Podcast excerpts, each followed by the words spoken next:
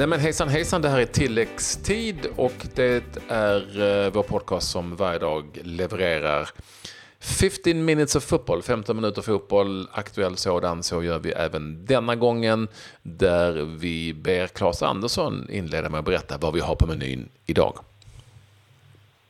Kaos i IFK Göteborg. Är Poya Asbaghi sparken eller inte? Jag vet inte om det var kaos, men eh, rapport från en bizarr presskonferens i landslagets regi. Och så plockar vi ut omgångens elva. Om den är bisarr eller inte, det får väl andra eh, eh, ja, den är inte bisarr. Och det är eh, inte vi, kaos. Vi har ju koll på läget. Ja.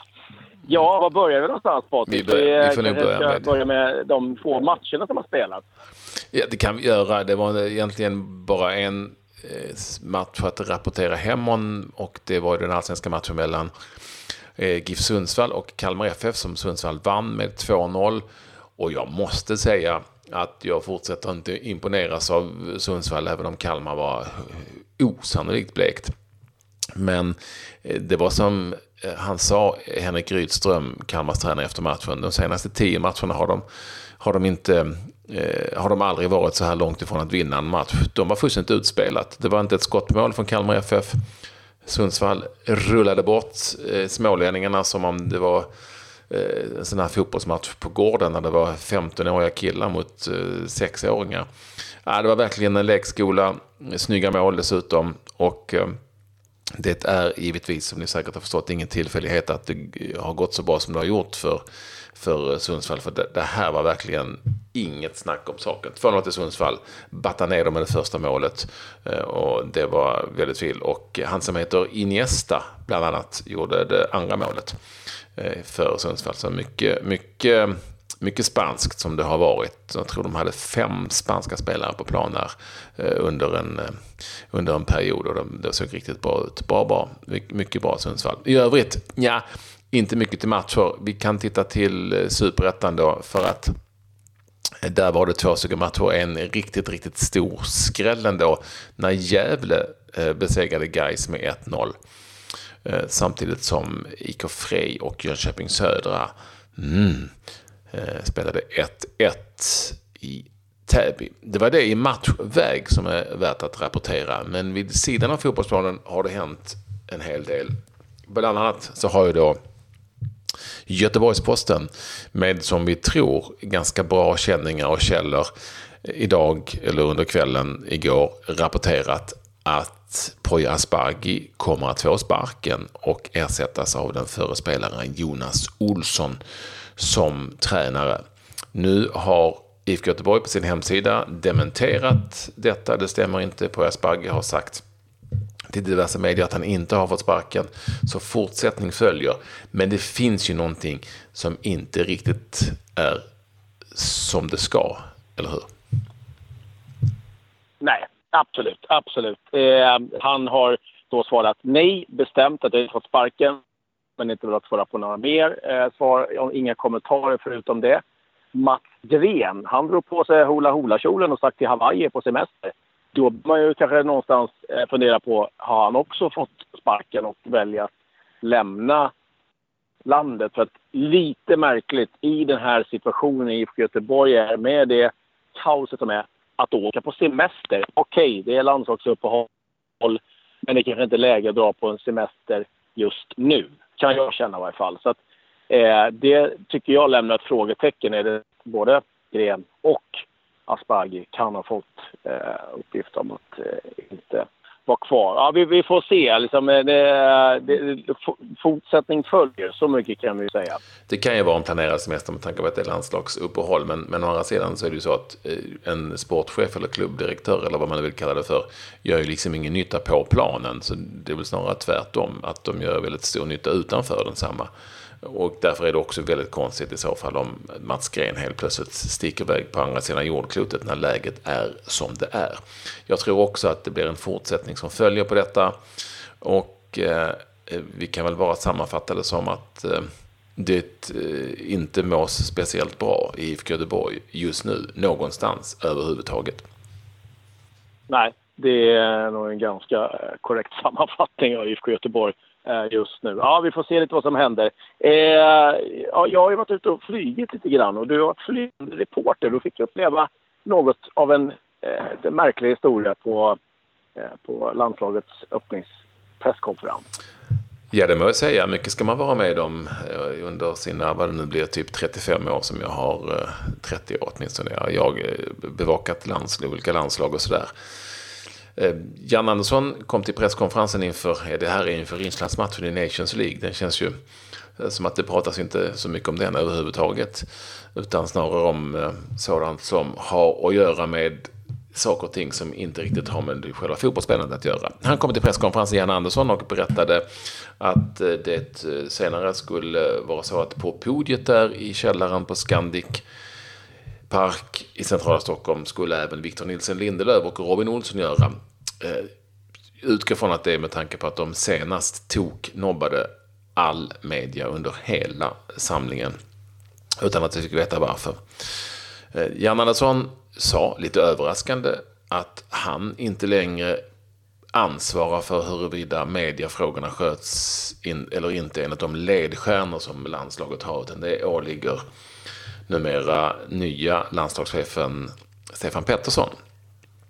Det var lite överraskande, det har vi inte hört honom säga tidigare. Eh, sen så kom Victor Nilsson Lindelöf och eh, Robin Olsen.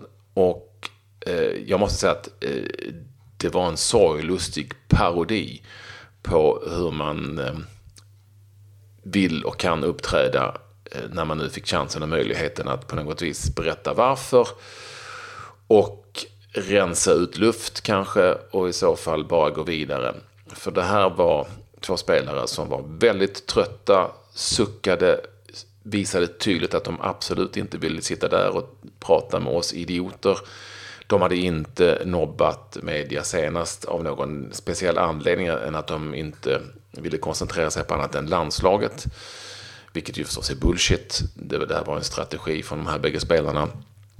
Eh, och högst sannolikt deras rådgivare. Eh, och det blev bara en lång, lång presskonferens som handlade om ingenting. Och vi fick då veta via Staffan Stjernholm som är presschef för landslaget och spelarna att inga frågor om deras klubblag fick ställas till någon av dem. För att nu var de med landslaget. Ja. ja det är ju så konstigt. Alltså jag förstår inte. Jag menar, någonstans kan jag väl känna, om ni inte vill göra media, i alla fall säg det rätt ut då. Ni vill inte göra det här. Håll inte på med något i bubblan. Jag, menar, jag satt och tänkt på det här idag. Jag har ju träffat på de senaste veckorna med jobb med NHL-spelare, boxning, UFC. Eh, ja, jag pratade med Gabriel Landeskog. Han eh, gör media varje dag. Varenda dag. Och eh, det är innan, före, efter, till och med under matcher. Och det är inga problem med någon bubbla där. Jag känner, säg då som det är istället. Jag vill inte göra media. Punkt slut.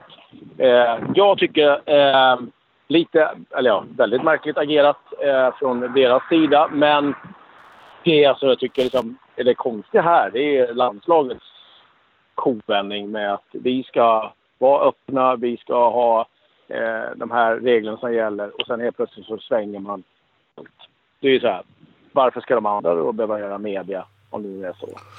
Eh, ja, jag har skrivit en krönika. Jag tycker det är jättemärkligt situation. Jag har skrivit en krönika om detta där jag ställer mig dessutom frågan eh, varför ska det, det blir ju någon sorts underligt, eh, väldigt underlig eh, situation när det förbjuds att ställa vissa frågor. Vad är det för öppenhet? All right, gillar man inte frågorna, svara inga kommentarer, pang bom. Men det kan ju inte bli någon sorts omvänd censur och påpeka för journalister vilka frågor de ska ställa. Och det är klart att för de som följer fotbollen, alltså de som vi i media jobbar för, läsare, lyssnare, tittare, de vill ju såklart veta någonting om fotbollsspelarna. Eh, och de spelar ju inte bara i landslaget för det är väldigt två dagar. Och om vad som händer i Manchester United och hur det går i Roma. Ja, du vet, den typen av frågor tror jag titt, alla deras fans är väldigt intresserade av att höra på. Eh, nu att det bara ska pratas landslaget. Ja, det har hänt en gång tidigare, 2006. Zlatan Ibrahimovic hade gått till Juventus och vägrade svara på frågor som, inte, som handlade om klubblaget. Då reste sig en journalist som hette Janne Malado och gick. Sen gick det ett tag och sen gick det bra att ställa frågor till Ibrahimovic. Och jag vill ändå stanna kvar där snabbt bara. Idag är Zlatan, som ju inte gillade media, i USA och han pratar med media varje dag, vid varje träning och vid varje match. Och det går ju ganska bra ändå för honom. Ja. Nej, det är, ja, jag tycker det är konstigt eh, sätt att ta sig an i ett läge där man är nu. Jag tror inte att jättemånga ska välja är superintresserade av att prata Rysslandsmatchen just nu när det är som läget är. Vi kan väl säga Claes att det, Men, blev, ja, ja. det, blev ett tråkigt, det blev en väldigt tråkig öppning och väldigt underlig och jag tyckte faktiskt att alla eh, involverade här landslagsledningen och spelarna gjorde ett rejält självmål, vilket ju också syns när man tar del av vad som har skrivits och sagts om detta idag, både i tidningar och på sociala medier.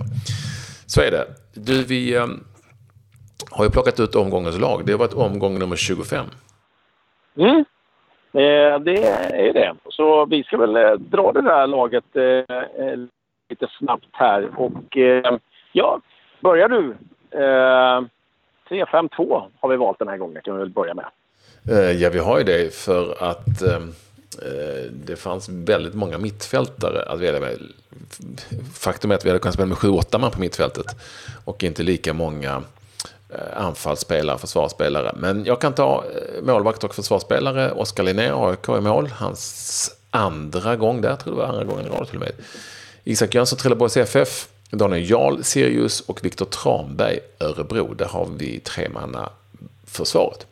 Mm. Vi har eh, Said ifrån Sirius på mittfältet tillsammans med Sundsvalls Batanero. Fjärde gången han är med. Eh, får med sig spanska kollegan Juan Zhu, också han Sundsvall. Alexander Fransson, Norrköping och Östersunds Curtis Edwards. Där har vi mittfältet. Och eh, på topp då, eh, Filip Rogic, Örebro tillsammans med Alexander Jeremejeff numera, som ni säkert känner till, Häcken efter matchen eh, i Malmö där. Då har vi omgångens lag nummer 25. Det blir till juryn att jobba ganska hårt med att hitta vem som ska bli omgångens spelare. Fast jag har ju då en liten, liten, liten aning, eh, givetvis. Ja, eh, lite snabba nyheter bara eh, innan vi tackar Det är gott om tid. Det är lugnt. Eh, San Jose Earthquake, de eh, sparkade Stare för ett tag sedan. Mattias Almeida är den som är hetast på att ta över. Han var faktiskt ganska nära att eh, få uppdraget som Mexikos förbundskapten. Har gjort succé i eh, flera klubbar eh, i eh, Mexiko. Men eh, ser nu då att bli eh, manager för San Jose. Och så har Arsenal gjort en, ny deal. Det kommer inte att ha längre. Nu är det Adidas som gäller och kommer att dra in 60 miljoner pund per säsong över de närmsta fem åren. Ganska bra cash det. Ja, det är det minsta man kan säga va? Har du sett eh, kandidaterna mm. till Ballon d'Or då? Ja, det var väl the usual suspect. Det var det usual suspect. Det är 30 stycken och vi, eh, det känns inte som att vi hittar eh, någon, alltså man vill helst hitta en, en, någon överraskning. Det är inga svenskar med i varje fall. Det hade varit en väldigt stor överraskning. Trots att vi ändå gick till kvartsfinal eh, i VM. Nej, det var same same hela vägen där från början till slut eh, av de här nominerade. Och det ska bli intressant att se vem man i det här fallet till slut eh, väljer som en vinnare. Ballon d'Or alltså. Eh, så det Jag har lite halvroliga nyheter som, ja, eller halvroliga, väldigt roliga nyheter som har med fotboll att göra. Eh, Marcus Berg kommer till landslaget eh, från alla in som målskytt. Han hittade rätt där i ligan innan han satte sig på planet till Stockholm. Och vet du vad? Västur, Väster 07, våra kompisar med Ken Fagerberg, de gick sensationellt på Färöarna och såg KI med 4-2. Fjärdeplacerade KI. Mm. Eh, och Ken Fagerberg gjorde mm, ett av målen i den tionde minuten. Så han är Oj. på hugget. Härligt. Och nu har de till och med en liten möjlighet att faktiskt hamna över strecket där. Fast de, ändå kanske, de kanske inte åker ur ändå. Ja, vi har ju dragit det där tidigare. Så så är det. Där händer det saker. Händer det roliga saker på Färöarna. Ja, det är bra. Ja, jag har inget mer att eh, rapportera från mitt håll. Så att, om inte du har något annat så vi väl tack.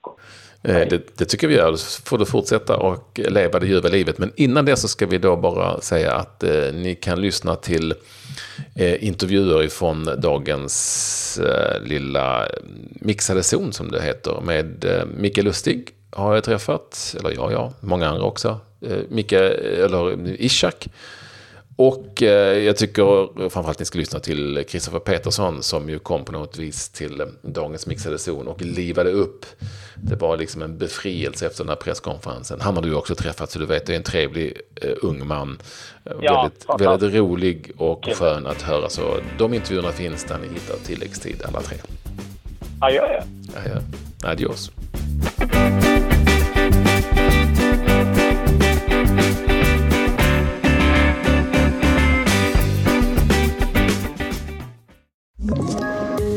Poddtips från Podplay.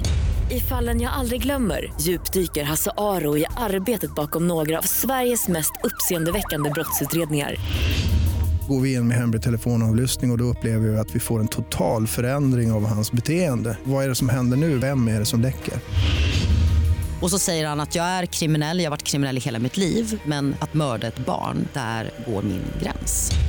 Nya säsongen av Fallen jag aldrig glömmer på Podplay.